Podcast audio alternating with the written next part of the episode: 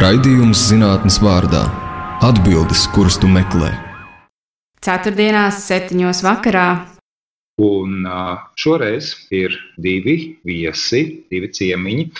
Docente Ieva Lībiete, Rīgas Tradiņu Universitātes anatomijas muzeja direktore. Labvakar, labvakar, labvakar. Un mums ir arī profesors Juris Salaks, arī no Rīgas Tradiņu Universitātes, medicīnas vēstures institūta direktors. Labvakar, Juri! Labvakar, labvakar, Ivar, labvakar, nabas klausītāji!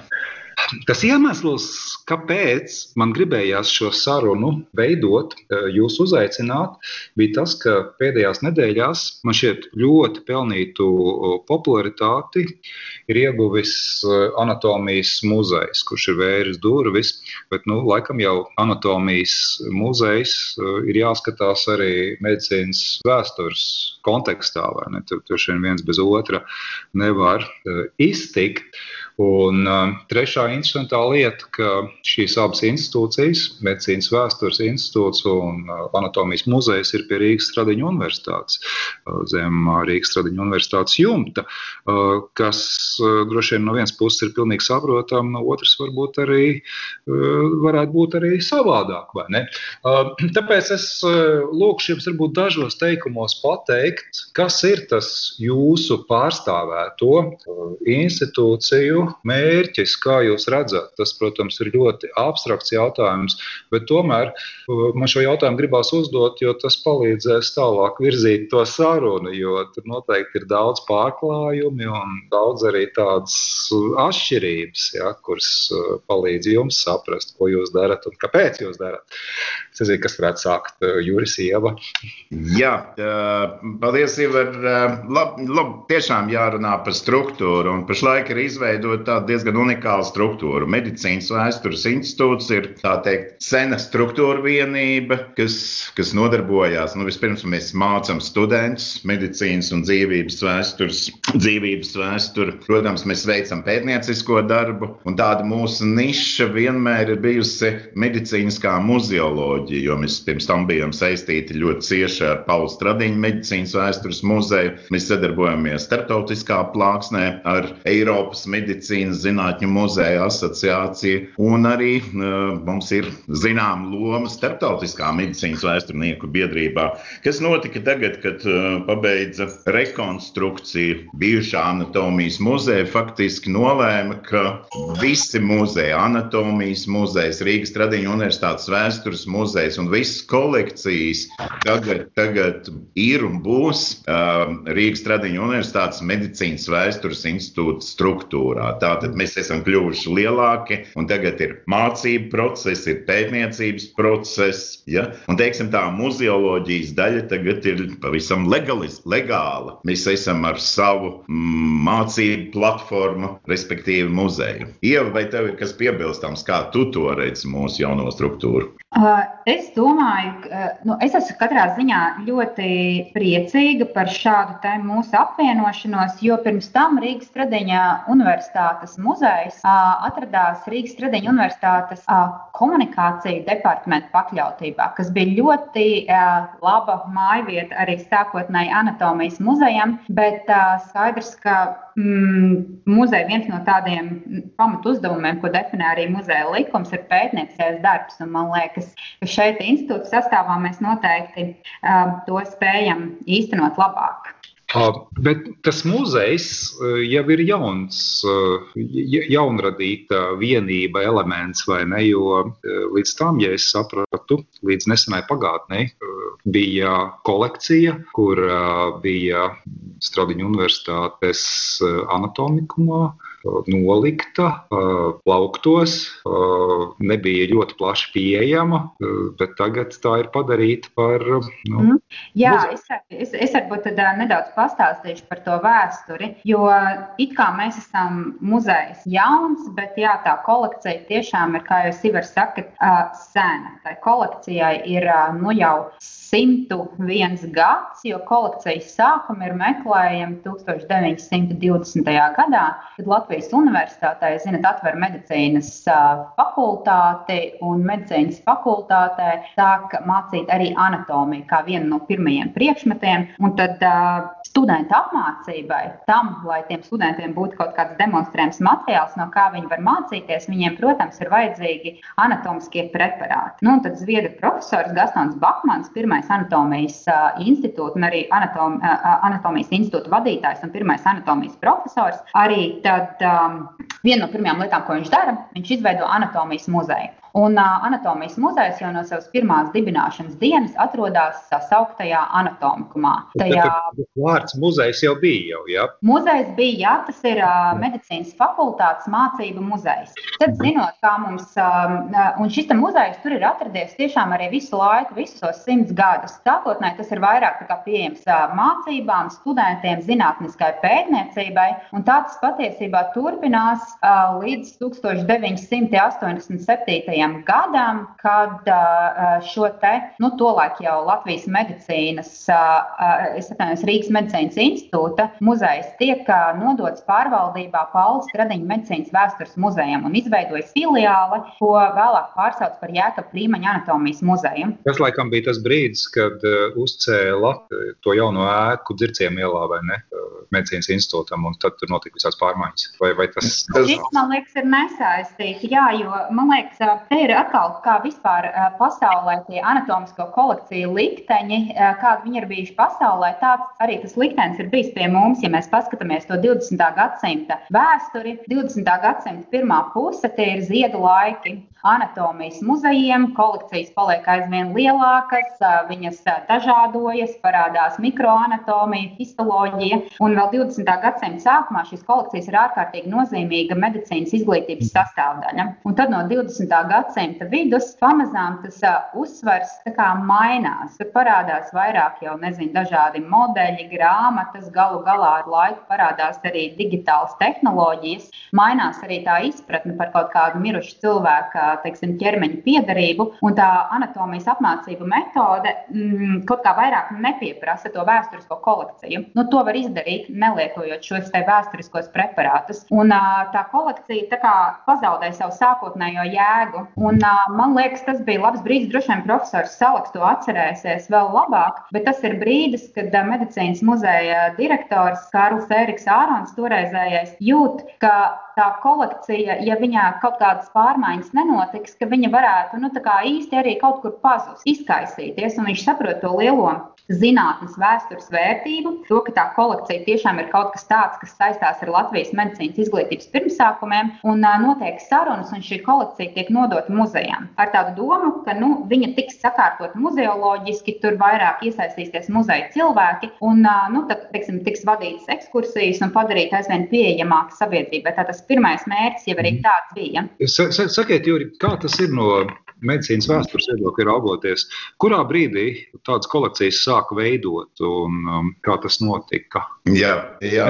Um, vispirms es gribu pateikt, Ieva ļoti precīzi raksturoja to mirkli. Faktiski toreiz es biju Rīgas medicīnas institūta medicīnas fakultātes students. Es ļoti precīzi atceros, tās sarunas arī nebija vienkāršas, bet uh, mēs mācījāmies anatomiju, bija uh, preparācija zāles, ja, un, un pa īstam mācījāmies anatomiju, respektīvi preparējam līčus, bet blakus bija tāda slēpta telpa, tā lielā telpa, kas vienmēr bija cieta. Ja? Un tagad man visiem nāk jautājums, uh, tagad to vairāk nedara medicīnas studenti. Viņiem uh, jāstrādā ar um, līķiem, kā jūs teicāt. Aizvien vairāk atstā, aizstāja ar modernām tehnoloģijām. Piemēram, tagad ir Rīgas Tradiņu Universitātes anatomijas institūtā anatomāžu 3D galds speciāls. Ja? Uh, protams, ka ir vēl arī īstais materiāls, bet tas nav tā, kā bija, kad es studēju, kad katrai grupai bija sava klase un savs, un savs tā teikt, līdz preparēšana. Veidošanai. Ja katrā ziņā tas ir drīzāk šķiet, nu, tāds izņēmums. Ja? Bet es ļoti labi atceros to mirkli. Anatomijas kolekcija faktiski nevarēja apskatīties, un tad sākās sarunas. Docents Ārons ar katedras vadītāju profesoru Jēču faktiski viņi panāca. Un redz, cik interesanti man kā studentam tā bija pirmā darba vieta. Es sāku strādāt Austrālijas medicīnas vēstures muzejā, un man nozīmē tieši uz anatomijas muzeju. Redz, kaut kāda dialektika notiek. Es atgriežos varbūt citā kvalitātē savā muzejā. Mm -hmm. uh, jā, un uh, kā, kā tur ir ar to vēsturisko aspektu, ja mēs skatāmies uh, šādas kolekcijas? Uh, es pieņemu, ka tur tai uh, kuriozu daļai arī ir bijusi diezgan liela nozīme, bet uh, tas, kā jūs man tagad stāstāt, ka jūsu muzeja gadījumā svarīgs vai svarīgāks ir bijis tas izglītības aspekts, vai ne, ka ir materiāli, ar kur palīdzību var apmācīt topošos ārstus. Jā, Ieva man noteikti piekritīs, bet es nedomāju, ka mūsu kolekcija ir unikāla tieši no vēsturiskā veidošana. Tādas kolekcijas bija toreiz praktiski katrai medicīnas fakultātei, anatomijas institūtos, anatomijas katedrās. Ja, jo uh, toreiz štatā bija piemēram zīmētājs, kurš zīmēja liels plakāts, ko lekcija auditorijās izlika. Ja, tas bija tāds laiks, kad mums nebija PowerPoint, kad nebija uh, 3D modeļu, ja, un varēja rādīt nu, tiešām reāls cilvēka orgāns formalīnā. Tajos, tajos gados vēl ar zirgu brauc uz to medicīnas institūtu, vai ne? Jā, jā es arī piebildīšu par to vēsturi, tas, ko jūs sakat par to kuriozitāti. Uh, nu, skaidrs, ka tik seni, cik seni ir muzeji, tik sen jau viņos arī mēs varam teikt, ir izstādīts kaut kādas cilvēku ķermeņa daļas. Par to, ja mēs skatāmies tur renesanses laikā, plo, teiksim, tos parādošos brīnumu kabinetus, tur droši vien varēja atrast arī kādu kaulu, arī kādu mumificētu eksotu eksotisku, varbūt galvu un, un tam līdzīgas lietas. Tas ir tas pats sākums. Tas pirmais jau ir tā interese un neparastais. Un tad 17. gadsimtā, kad parādās tā spēja um, sapratne, ka tu vari saglabāt arī audus, liekot viņus, piemēram, spirtā, nu, tad tās kolekcijas paliek aizvien lielākas, un tad jau parādās tādas pirmās tiešām anatomu kolekcijas, kur ir dažni dažādi neparasti, varbūt um, orgāni vai anomālijas, kas rodas kā tās ārstu privātu kolekcijas, mhm. kuras tiešām ir tādas zināmā mērā tādas brīnuma krātuves, kurā tiek ievesti speciāli studenti un tiek izrādīts kolēģiem un tam līdzīgi.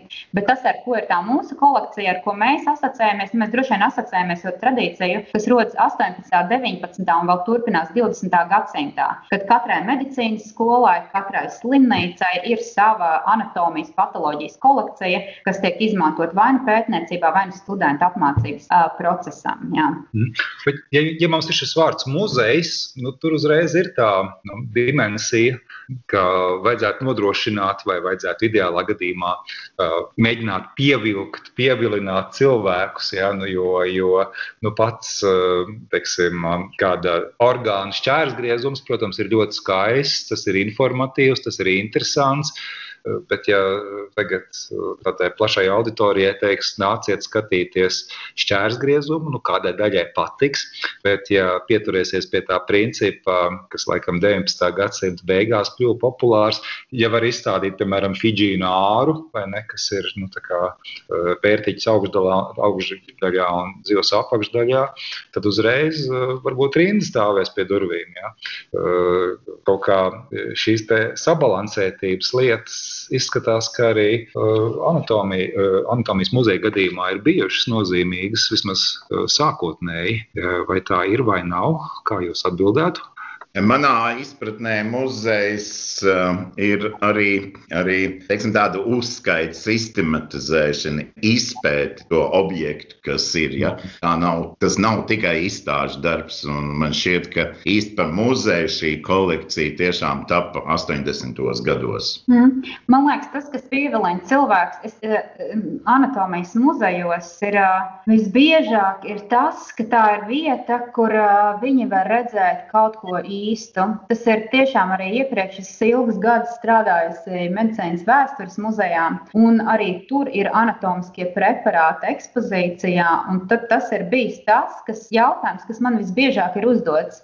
Tā kā pie šiem preparātiem stāvot, tas jautājums, tas rada šo emocionālo, es nezinu, vai kādu to um, sajūtu cilvēkos, kas izraisa šīs spēcīgās emocijas, ir tā apziņa, ka tas attiecas kaut ko īstu. To visbiežāk man jautājuši, visi ir, vai tas ir īsts. Un tajā brīdī, kad tu pasaki, jā, tas ir īsts, tad cilvēks to skatās pilnīgi ar citām acīm, un tas viņā izraisa kaut ko pilnīgi citu nekā jebkurš visprecīzākais atveidojums vai modelis. Un man liekas, ka tas ir tas, kas ir pievilcīgs tajos anatomijas muzejos. Kāpēc cilvēki arī bez tiem, kas iet tāds tīri augstas zinātniskas intereses dēļ, ka vēl ir tas īstums. Un, uh, tas, man liekas, ir viens no tiem anatomijas muzeja pievilcīgiem faktoriem. Tā aiziešana, ka tu varēsi par kaut ko varbūt pabrīnīties. Uh, un uh, mēs, uh, nenu, mēs uh, pilnīgi atbalstām, ka tas ir arī veids, kāpēc cilvēks var nākt uz anatomijas muzeju, ka viņam ir tā zinātnākāra un dažreiz pat ziņkārība. Un tas vienkārši, man liekas, mūsu kā tos ekspozīcijas veidotāju uzdevums bija kā,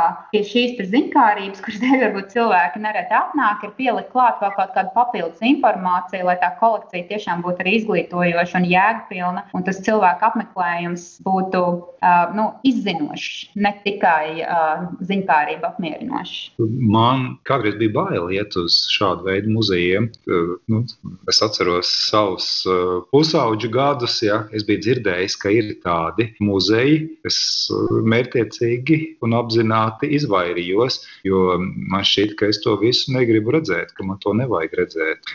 Jā, tā ir viena no mūsu muzeja vērtībām, ir cieņa. Nu, cieņa attiecībā attiecībā pret eksponātiem un arī cieņa attiecībā pret apmeklētājiem, turklāt arī pret neapmeklētājiem. Mēs to ļoti labi zinām, ka anatomijas muzejs nav visiem. Nu, tas savā ziņā ir nišas produkts, tāpēc mēs nelolojam nekādas ilūzijas, ka pie mums nāks visi, kā visi iet uz mākslas muzeju vai uz vēstures muzeju, nu, kas ir tie, teiksim, tie, kuros mēs esam pabijuši visi. Mēs zinām, ka ir cilvēki, kas pie mums nākt nekad negribēs. Un tas ir arī labi. Mēs viņus respektējam. Bet, cik es saprotu, popularitāte jums šobrīd ir ļoti, ļoti liela. Nu, tas muzejs jau vēl nav atvērts uh, tādā nu, brīvai plūsmai. Ja?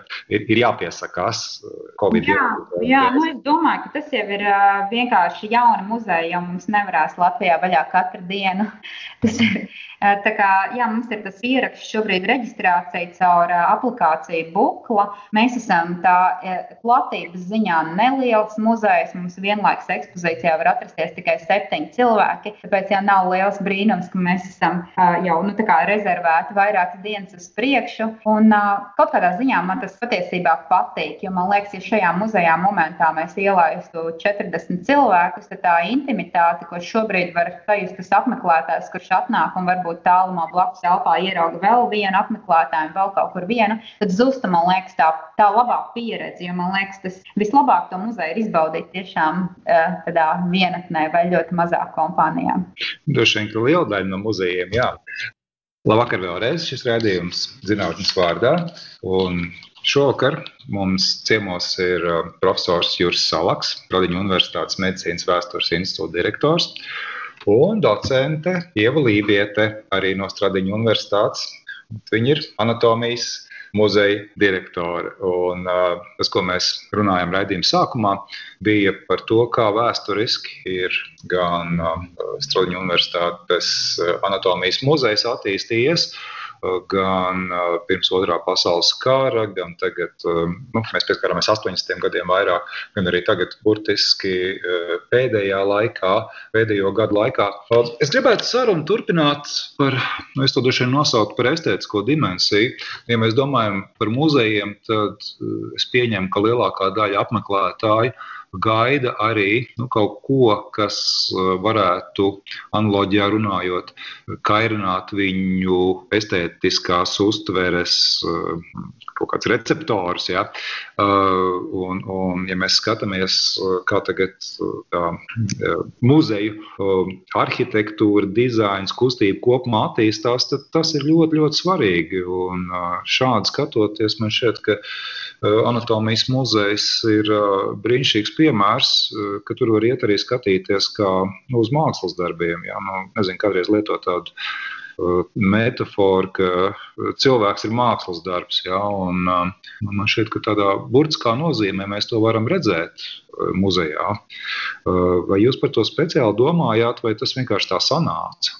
Labā nozīmē sanāca. Ziniet, kā tu domā par vienu lietu, un kad tu labu lietu izdari, tad uh, atklājas vis kaut kas cits labs saistībā ar to, kas labi izdarīts. Ja. Jā, nu, man liekas, te ir vislielākais. Mēs, uh, Mana tāda uh, vislielākā vēlme, sākot šo projektu, bija tā, lai tas uh, anatomijas muzejs, es nezinu, tas, kā es to saucu, ir, lai viņš nebūtu biedējošs. Tā kā jūs, Ivar, teicāt par to, ka jums bija kādreiz bail, nu tā, lai viņš, viņš, lai viņš nav biedējošs, lai cilvēks viņā jūtas uh, varbūt satraukts, bet uh, lai tas ir uh, nu, kaut kādā ziņā uh, nav, uh, nav biedējoši. Un man liekas, uh, es uh, daudz neesmu pie tā pielikts pielikus roku. Tas ir DDS studio darbs. Tad Jānis Mitrēvits ar savu komandu, kas spēja raz, radīt šo, te, man liekas, tiešām vizuāli ļoti iespaidīgo un pievilcīgo ekspozīcijas dizainu. Ar lielu pietāti pret pašiem eksponātiem, ar lielu pietāti pret vēsturi, saglabājot pirmkārt kaut kādus dizaina elementus, kādi ir atradušies vecajā anatomijas muzeja ekspozīcijas vietā anatomikumā, saglabājot patiesībā vēsturiskās vitrīnas, kas tapa 1920. gadu pašā sākumā, kuras pasūtīja Gastons Bakmanis ar visiem vecajiem lietajiem stikliem. Un kopumā radot nu, tiešām tādu, jūs, Ivar, tur bijāt, jūs droši vien varat arī no savas puses pateikt, man liekas, tādu ļoti labvēlīgu gaisotni, kas nav biedējuša un kas ir tiešām arī dažreiz ļoti vizuāli baudāma un savukārt arī neuzmācīga. Es nezinu, nu, droši vien ir jāgaida vēl kaut kādas atsauksmes no apmeklētājiem par to, kā viņi jūtas tajā ekspozīcijā, bet tas ir liels paldies tam visam ir par um, DD studio, kas tiešām kopā tos eksponātus ar visām digitālām tehnoloģijām un ar tām vitrīnām, kurās viņi ir izvietoti, ir radījuši tā tādu vienotu organismu, kur pat jau beidzās, kaut kur beidzās tas eksponāts un kaut kur, kaut kur sāks tā vitrīna, ka to robežu šķirt nemaz tik viegli nevar ies. Man, man, man tā trīs ļoti svarīgas lietas ir man, man, manā pieredzē. Tagad. Uh, viens, ka neapšaubāmi ir ļoti, ļoti izglītojoša tā ekspozīcija. Uh, nu, jā, es, es neesmu nekad fizioloģiju studējis, piemēram, jā, un uh, arī, arī anatomiju visai, visai, visai maz, bet var ļoti daudz uzzināt. Tas, tas ir viens, un tās informācijas ir tik daudz, ka īstenībā ar vienu apmeklējumu nepietiek. Ja? Tu nevari visu iemācīties. Uh, tas ir pilnīgi noteikti muzejs, kur tu vari iet uh, reizi pusgadā vismaz, vai varbūt pat mazliet biežāk. Un, un te ir arī otrs punkts, ja, ka informācijas ir tiešām ļoti daudz, bet uh, tās nav pārmērīgi daudz, ka apjoms tam, kas ir izstādīts, ir ļoti tāds uh, cilvēcīgs. Tas nav, ka tu ieeji kā, nezinu, uh, tur, tur Britu muzejā vai ne un apmaldies. Viss ir tik daudz, ka tu nespēji neko aptvert. Un, un tad ir trešais punkts, ka tam visam klāt nāk arī tā skaistuma dimensija. Um, es, protams, kaut kad esmu bijis arī citos līdzīgos muzejos, laikam pēdējais bija Šaritē Berlīnē pirms pāris gadiem, bet tur tas viss savādāk izstādīts, un es nebiju tik daudz pievērsis uzmanību tam, ka, piemēram, kāda orgāna šķērsgriezums, plaušas vai, vai aknas vai vienkārši muskuļu šķērsgriezums īstenībā ir ļoti, ļoti skaists, ja tam var arī pieiet šādi. Es nezinu, tas varbūt izklausās drusku, drusku traki, ja, tā runā, bet, bet tur ir šī skaistuma dimensija un tas īpaši īpašais skaistums laikam ir tie, kā jūs saucat, korozijas preparāti, ja, ka Jā. kādā orgānā tiek ievadīts šķidrums, kurš ātri sacietē, un, un pēc tam pats orgāns, paša audi tiek lēnām kā jūs to saucat, noēdināt. Tā, jā, nokodināt, jā, saglabājot tādu krāsainu, krāsainu atklājumu. Mm -hmm. uh, es, jā, nu, droši vien tas, ko jūs runājat, ir par to, ka uh, tā anatomisko preparātu izgatavošana savulaik, kad viņi tapa um, 20. gadsimta pirmajā pusē, tas jau nebija tā vienkārši. Uh, izņemu, ielieku burkā un, un uh, uzlēju virsū kaut kādu saglabājošu šķīdumu un aiztaisa ciet. Tur, uh, nu, viena daļa tiešām tā arī ir tapuši, bet viena liela daļa ir vēl prasējusi papildus rūpīgu preparātoru, anatomu darbu. Tur ir asinsvada dažreiz piepildīta ar kādu krāsainu, teiksim, šķīdumu, lai labāk to varētu saskatīt. Griezumi arī tie jau nav, jūs minētie arī griezumi, viņi nav tikai griezumi. Tur kāds ir pirms tam atkal piepildījis asinsvadas bronhus, artērijas un vēnes, katru ar kaut kādu savu šķīdumu. Tas ir viss arī veids, kādā viņi ir tikuši eksponēti. Šīs vēsturiski līmētie stikla, uh, līmētās stikla kārbas, tās anotācijas, visi tie paraksti. Un tas, tas ir, to mēs arī tiešām restaurācijas procesā, kad mēs atjaunojām preparātus, mēs centāmies ļoti,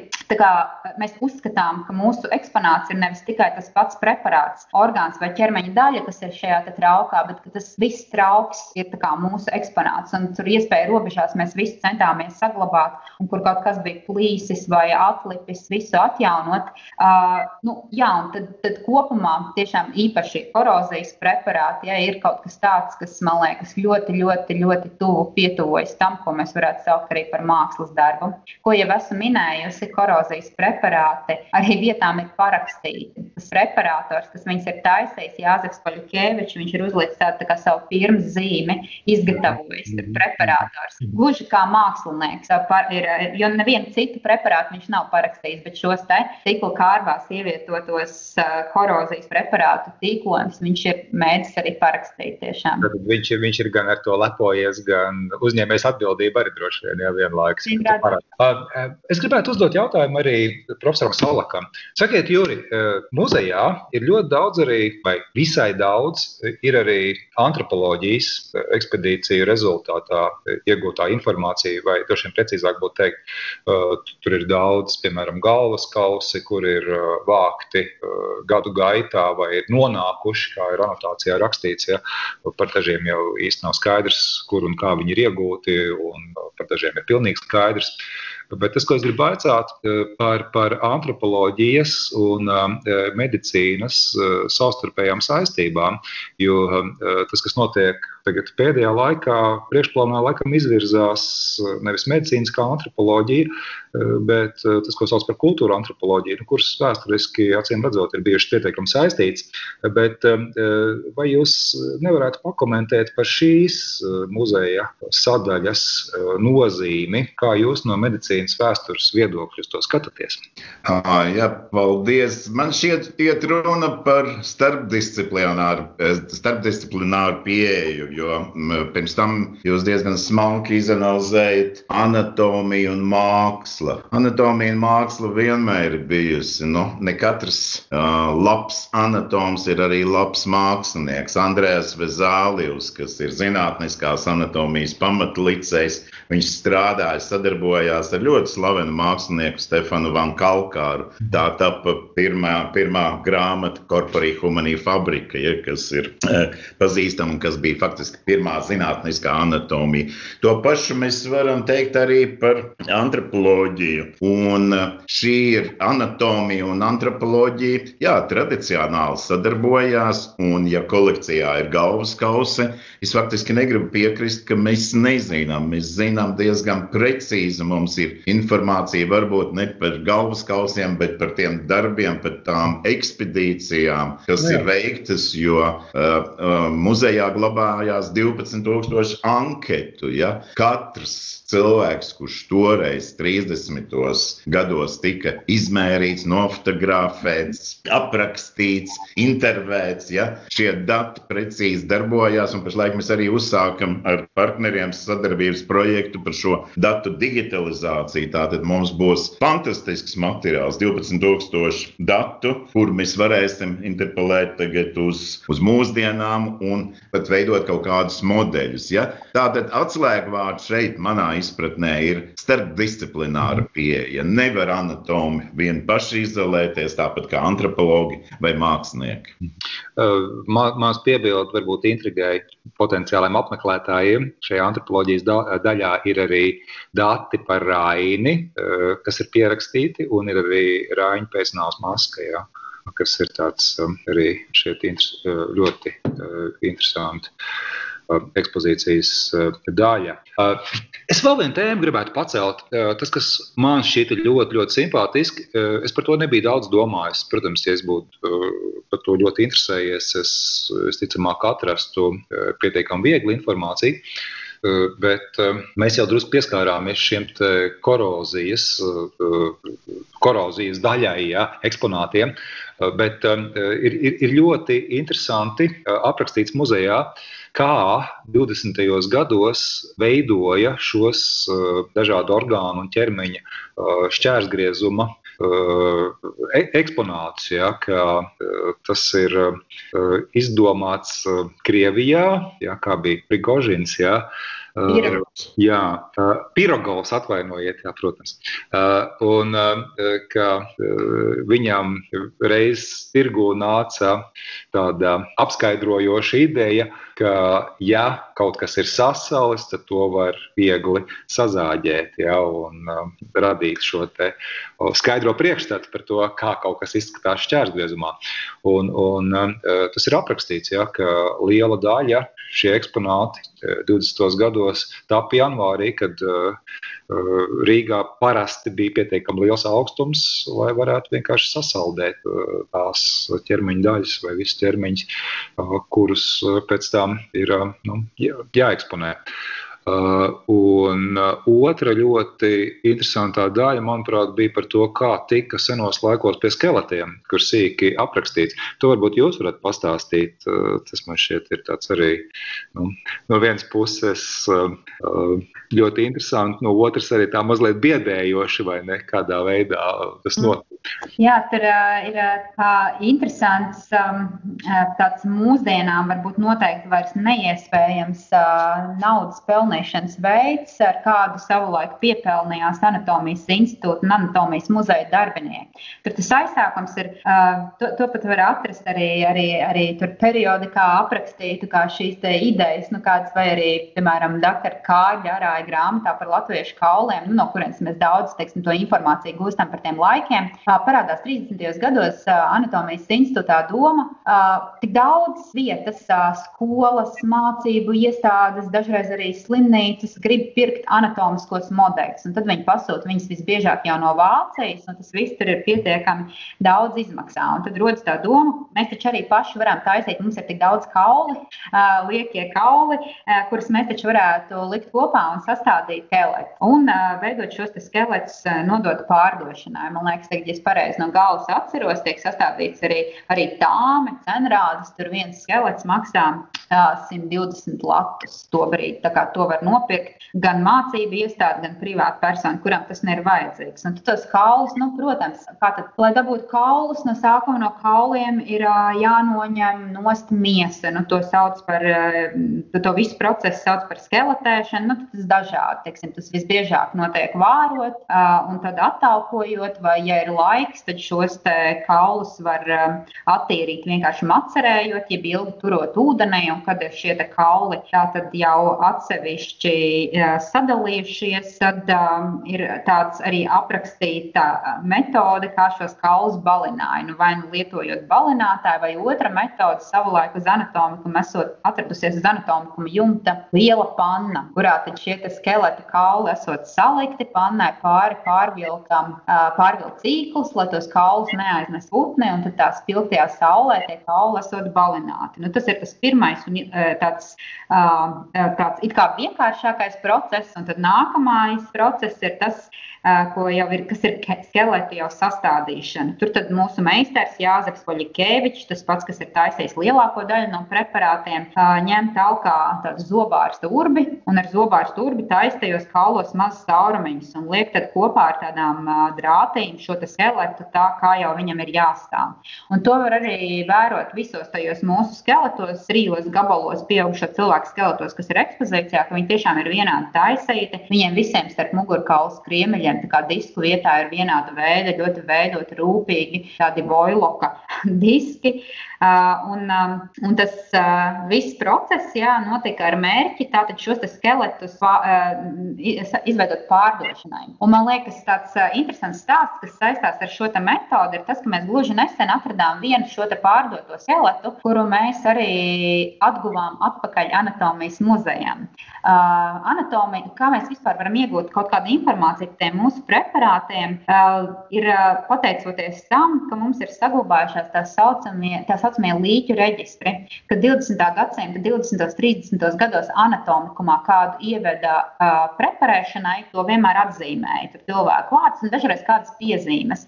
Nu, tad, lūk, pēc šīs te, uh, līķu grāmatas dažreiz var skatīties, kas tiem cilvēkiem ir noticis. Tur kādam rakstīts, skalpēts, pārdots izglītības ministrijai, kādam rakstīts, skeletēts, pārdots Krimuldas kaula sanatorijai. Tieši šādu stāstu es pamanu, ka 31. gadā kāds ir ticis skeletēts un pārdots Krimuldas kaula sanatorijai. Un es stāstu savam kolēģim Mārtiņam Vesperim, medicīnas vēstures muzejā, ka lūk, kāds interesants gadījums, un viņš ir tikko bijis Krimuldas rehabilitācijas centrā. Viņš saka, Ieva, tur ir tas skelets.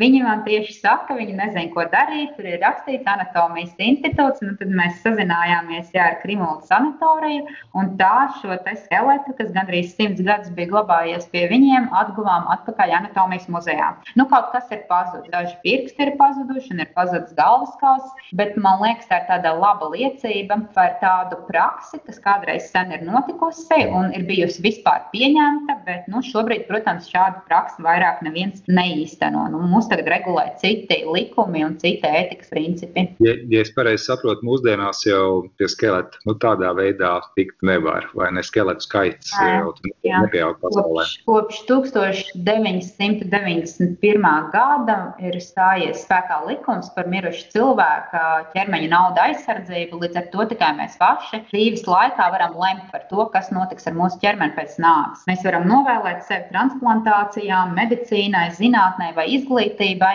bet uh, nevienu vairs uh, cilvēku tāpat vien uz uh, anatomijas muzeju vai anatomiku, protams, neatvedīs. Tas neatbilst vairs. Bet, bet, bet ja kāds vēlas, lai viņa skeletu pēc nāves kaut kur izstādītu, nu, ja kādam būtu interese, tāda mm. iespēja pastāv saskaņā ar mūsdienu gan likumdošanu, gan ētiskām nostādnēm? Nu, Latvijā tas nav uh, likumā noteikts. Nu, tas likums, kas šobrīd ir, tas, tas neregulē, ne, nereglamentē tādu iespēju, ka cilvēks savu ķermeni varētu tiešām novēlēt muzejam. Bet pasaulē tas notiek. Jūs droši vien arī varbūt pats esat dzirdējis, ir tāds Ginters van Hāgens vācietis, kuram ir tie plastinēto preparātu ekspozīcijas milzīgās body Worlds, viņas arī ceļojošas un, un, un dažādas un stacionāras. Nu, šis ir tas gadījums. Tie jau ir cilvēki, kas ir paši sevi novēlējuši. Viņi ir vēlējušies nu, turpināties arī pēc nāves, anatomiskā, eksponāta veidā, izglītot cilvēkus, vai nezinu, nu, dažādi var būt tie iemesli. Tā kā principā tas ir iespējams. Ir arī muteru muzejs Amerikā, kas regulāri ik pa brīdim ieliek kādu ziņu, ka kāds viņiem kaut ko ir novēlējis nesen, kad sieviete novēlējis skeletu savu, un viņš iekļuva ekspozīcijā. Ir praksa, piemēram, kas ir um, uh, pie mūsu kolēģiem uh, Anglijā, teiksim, Gordona muzejā. Viņi īsteno šo kolekcijas papildināšanu savukārt sadarbībā ar ārstiem. Nu, ne tā, ka tu pats novēli sev uzreiz visu pēc nāves muzejam, bet, teiksim, ir kāda operācija, tiek izoperēta kaut kāda ķermeņa daļa, varbūt kaut kāda patoloģija. Nu, kas tad ar to notiek? Parasti to kremē, izpēta un kremē. Nu, var jau arī nekremēt, var jau novēlēt anatomijas iespējams atrunāt, kādā mm. kontekstā, kā tas viss tiks eksponēts, kā to tālāk var izmantot. Un tā viņi ņem jā, arī šāds papildinājums. Mm. Uh, mēs vēl pie tā neesam ķērušies, to pagaidām nepraktizējam, bet, uh, bet tāda iespēja, es domāju, pastāv. Nu, man kā skatītājam bija iespējas, ka ir ļoti nobeigta kolekcija un droši vien, ka tur būtu diezgan grūti atrast vietu nezinu, kādam jaunam žultspūslim. Jā, paldies, Ivar. Jā, tieši, tieši tā. Mēs ko kolekciju arī uzskatām par, par nobeigtu, jo tā kolekcija ir tapusi konkrētā laika posmā no 1920. līdz 1944. gadam apmēram 99%. Un tā mēs to arī uzskatām jā, par, par slēgtu kolekciju un papildinām tikai no nu, ar tādiem gadījumiem, nu, kā es stāstīju ar Krimulu sanatorijas skeletu, kurš jau vēsturiski ir muzeja kolekcijai piederīgs. Mēs viņu vienkārši pievienojam. Jā, bet tādi lieli kolekcijas papildināšanas plāni mums nav šobrīd. Šis raidījums zinātnes vārdā. Tas ir Ivars Alsters, un uh, šovakar mums ciemos ir uh, divi viesi, docente Ieva Lībieta, Rīgas Tradiņu universitātes anatomijas muzeja direktore un profesors Juris Salaks, Tradiņu universitātes medicīnas vēstures institūta direktors. Uh, mēs jau esam apsprieduši gan to, kā uh, anatomijas muzejs ir radies, gan to, kāda ir anatomijas muzeju un eksponātu nozīme medicīnas vēstures un izglītības kontekstā. Eh, es tagad gribu pievērst jūsu uzmanību un pavait, pavaicāt par um, to, kas ir varbūt kaut kādā mērā. Nu, mēs runājam arī par antropoloģijas saistību ar, ar, ar medicīnu, bet um, ir tāds um, anatomijas muzeja, uh, es gribēju teikt, stūrītis, bet droši vien būtu pareizāk uh, teikt. Uh, nozīmīga daļa, kas varētu arī pievilkt uh, diezgan daudz apmeklētājus, tetovējumi, ja, kas ietver droši vien gan uh, medicīnisko antropoloģiju, gan kultūra antropoloģiju, kaut kādā pakāpē droši vien arī medicīnu un arī to pašu uh, muzeja ideju, vismaz kā sākotnēji muzeja tika veidoti, ka kurioziem ir uh, liela nozīme ekspozīcijās. Ja, un, ja mēs skatāmies, kā cilvēki uh, sevi uh, izdaiļoja, padarīja atšķirīgus, uh, parādīja kādām sociālām grupām viņi pieder. Nu, tad 20. Um, gadsimta sākumā tetovējumi nebija tik izplatīti kā mūsdienās. Jā, vien, kad drīz jau būs tā, ka uh, atrast cilvēku, kuram nav nevienas tetovējums, būs uh, grūtāk nekā atrast cilvēkus, kur ir tetovēti. Jā. Droši vien paskatāmies um, ja, jaunāko paudzi, tad tas būs uh, vēl lielākā jā, pakāpē spēkā. Uh, par, par šo daļu vai, vai jūs varētu pastāstīt, uh, jo, jo cik es saprotu, tā ir uh, vis, visai, visai nozīmīga, uh, kas, kas varbūt šķiet nu, arī diezgan saudabīga, vai ne, ka cilvēks, kurš ir kādu savu ķermeņa daļu tetovējis, tad ievadījis ādā krāsu tādā veidā, ka tā no turienes ir ar lielām grūtībām dabūnam ārā, nu, ka šo ādas daļu pēc tam izstāda muzejā. Nu, tur ir kas, tur ir kaut kas fascinējošs un kaut kas arī tāds nu, atbaidošs vienlaikus, ja? un, un arī, arī ļoti interesants. Es, es savu skatītāju tagad uztvēru, pastāstīju, kā es to uztvēru.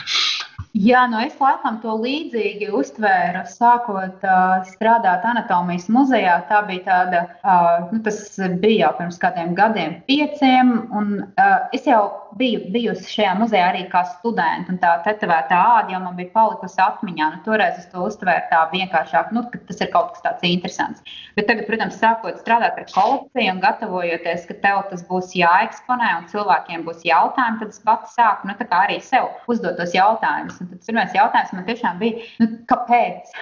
Kāpēc kaut kas tāds ir jādara? Ja ir skaidrs, ka ir kaut kas, ka, teiksim, anatomiskie preparāti tiek gatavoti izglītībai, tur kaut kādas iedzimtas anomālijas varbūt tiek kolekcionētas zinātnē, korozijas preparāti tiek veidot zinātnē, bet tad kāpēc āda? Nu, vienkārši tāpēc, ka varēja, tāpēc, ka tas likās interesanti, vai tur ir tomēr kā kāda kuriozitāte tiešām, vai, vai tādēļ tā ir saglabāta, vai tur ir bijis arī kaut kāds uh, cits pamats. Nu, jāsaka, ka par tiem mūsu preparātiem, kas ir uh, mums ekspozīcijā, mēs īsti nevaram pateikt, kāpēc viņi ir uh, kolekcionēti tā vienkāršā iemesla dēļ, ka neviens no tā laika anatomiem nav uzskatījis par vajadzīgu to nekur pierakstīt. Mēs absolūti nezinām. Neviens nav uzrakstījis publikāciju, tu nekur nevari atrast neko, kur būtu pieminēts, ka šādi te tetovējumi tiek vākti. Bet nu, tas ir noticis. To mēs redzam pēc. Mums ir 30 tetovēti ādas gabali, tie ir sausie preparāti, tātad izžāvēti, apstrādāti, ierāmēti, iestikloti un piekārti muzejā pie sienas. Bet, nu, protams, arī ir tas, ka tā kolekcija, kaut viņa ir īpatnēja, viņa nav unikāla. Tā tāda ir arī citos muzejos atrodama, tā kolekcija izcēlesme slēpjas 19. gadsimta, nu tāds sākotne, kāpēc viņas tika sākt kolekcionēt, viņas ir 19. gadsimta idejās par kriminālu bioloģiju. Tātad parādās tāda nozara, mūsdienās to tā, tā, tiek uzskatīt par pseidozinātni, nu, tātad ideja par to, ka cilvēka kriminālās noslietas kaut kādā veidā atspoguļojas arī viņa ārienē. Nu, un tad sāk pētīt tie biologi, krimināli biologi, noziedzniekus cietumos, viņu galvas formas, roku zīmējumus, ausu gliemežnīcas un mēģina kaut kādā veidā šos ārējos parametrus savilkt kopā ar viņu kriminālām nosliecēm. Un rodas doma par to, ka tas ir tāds atavisms, jeb tās ārējās izpausmes. Un tad viena no šīm ārējām izpausmēm uh, tika uzskatīta, ka tas var būt arī tetovējums, ka arī tā noslēdz uz tetovēšanos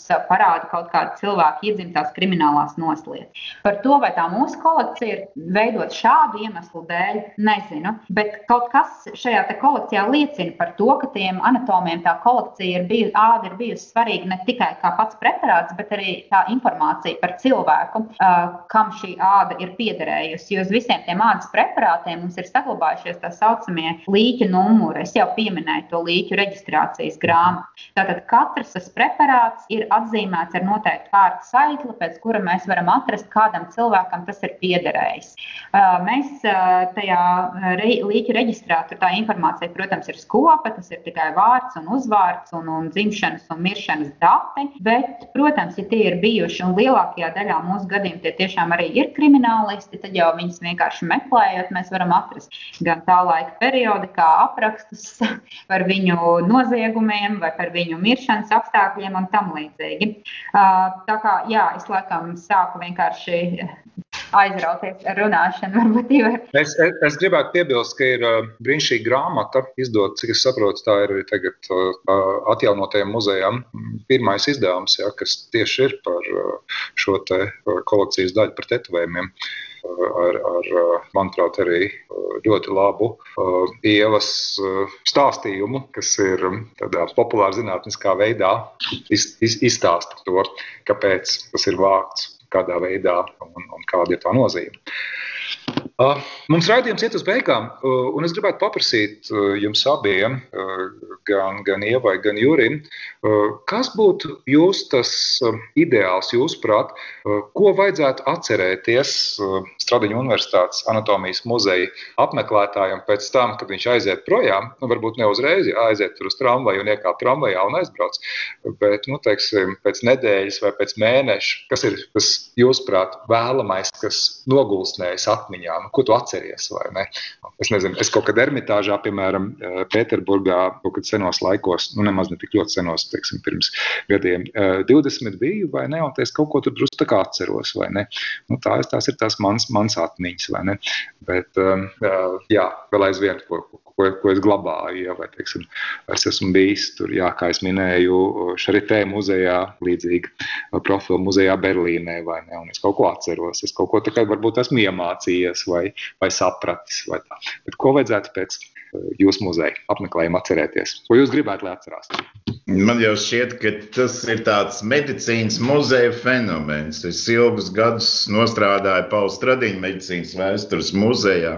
Un ko es pamanīju, ka, protams, tā auditorija pamatā bija skolnieki. Bet paiet 10, paiet 20 gadus, un tad viņi atved savus bērnus. Ja kaut kāds cikls notiek. Un, piemēram, visi atcerējās viduslaiku pilsētu un, un stāstās atmiņas. Mūsu muzejā uh, Teodors Lukstiņš ir pirmais eksponāts, kas jūs sagaida anatomijas muzejā.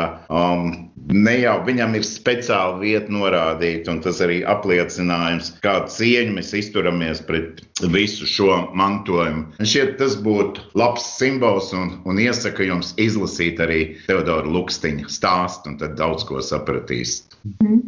Jā, es, nu man pirmkārt, man laikam vienkārši gribas, lai cilvēki aiziet prom ar labām sajūtām par to, ka viņi ir dzīvi tad man liekas, arī ar tādu sapratni par to, ka pat ja visas tās mūsu dienas uz šīs zemes mums katram ir skaitītas, arī pēc nāves mēs varam kalpot sabiedrības labumam. Un tā, man liekas, ir būtiska lieta, ko šajā muzejā var redzēt, to, ka cilvēki var būt noderīgi arī pēc savas nāves. Izglītībai, protams, vēl jau vairāk arī zinātnē, vēl jau vairāk medicīnai. Tā kā piemēram, orgānu donori un tam līdzīgi. Tad arī es domāju, ka mūsu muzeja ekspozīcija, tas, ko, tas, ko, ka, ka viņa kaut kādā veidā šie visi orgāni, kas tur ir vērojami, varbūt tas nav tik acīm redzami uztverams, bet tie principā runā arī par to mūsu dažādību, par to, cik mēs katrs tomēr esam dažādi. Jo kolekcija lielā mērā ir veidota ne tikai par normālu anatomiju, bet arī par variācijām. Mēs varam domāt, ka cilvēkam ir 206 kauli, bet daudziem no mums viņi var būt vairāk, jo vienkārši dažādi papildu kauli, kaut kādas daž, dažādas, teiksim, tās mūsu ķermeņu variācijas. Respektīvi par to, ka tāda norma, kādu mēs redzam anatomijas grāmatā, nu, tā ir abstrakcija, ka patiesībā mūs, mūsu ķermeņi var būt daudz, daudz dažādāki. Un man liekas, trešā lieta, kas man pašai liekas, kāpēc tās anatomiskās kolekcijas ir svarīgas, ir tas, ka var redzēt redzēt arī to, cik liela nozīme tomēr ir zinātnē un medicīnas attīstībai laika gaitā. Un, tā ir kaut kāda viena tāda lieta, ko es jūtu, man liekas, katreiz, teiksim, skatoties uz tādām tām kolekcijām, kā piemēram iedzimtās anomālijas, ka mums ir tik daudz šie te arī teratoloģiskie preparāti ar savām nu, briesmīgām iedzimtām anomālijām, kas ir noteikti bijusi trade, traģēdija visām viņa no nu, ģimenēm, ka šādi bērni ir piedzimuši, kas ir tūlīt pēc dzimšanas arī nomiruši. Man liekas, ka te arī ir tas stāsts par to medicīnas attīstību, ka šobrīd jau pateicoties skrīningam, dažādām ģenētiskām analīzēm, ko mēs varam veikt, principā šādām traģēdijām būtu normālā gadījumā nebūtu jānotiek, vai viņām būtu jānotiek pavisam, pavisam reti. Um, nu, tam līdzīgi. Man liekas, ka tās ir tās jā, lietas, šī cieņa, sapratne par to, ka arī mēs varam kļūt par daļu no zinātnes un uh, palīdzēt uh, cilvēkiem arī pēc nāves. Jā, šī te, nu, medicīnas tomēr un zinātnes lielā nozīme tajā, cik labi mēs patiesībā šodien dzīvojam. Starp citu, piebildīšu šajā sakarā atcerējos savu kolēģi Grāvers kundzi, kas ienāca mūsu antropoloģiskajā telpā, kur ievaroties ir milzīga šī siena ar galvas kausiem. Viņa apskatījās uz šo kolekciju un teica, ieviņ, te nav neviena tik veca kā es. Grāvers kundze nemaz nav simtgadīga. Bet nu, arī jā, šis dzīves ilgums tātad noteikti 20. gadsimtā un mums 21. pateicoties medicīnai ir stipri pieaudzis. Lielas paldies jums! Es atgādināšu, ka šoreiz raidījumā zinātnes vārdā viesojās Ieva Lībieta, Rīgas Tradiņu universitātes anatomijas muzeja direktora un Juris Salaks, arī Rīgas Tradiņu universitātes medicīnas vēstures institūta direktors. Paldies jums abiem! Liels, ka jūs piedalījāties! Paldies par dalīšanos ar savām domām. Un es arī no savas puses teikšu, uz redzēšanos šoreiz raidījumu vadīja Ivars Austers. Paldies! Paldies par uzaicinājumu! Paldies!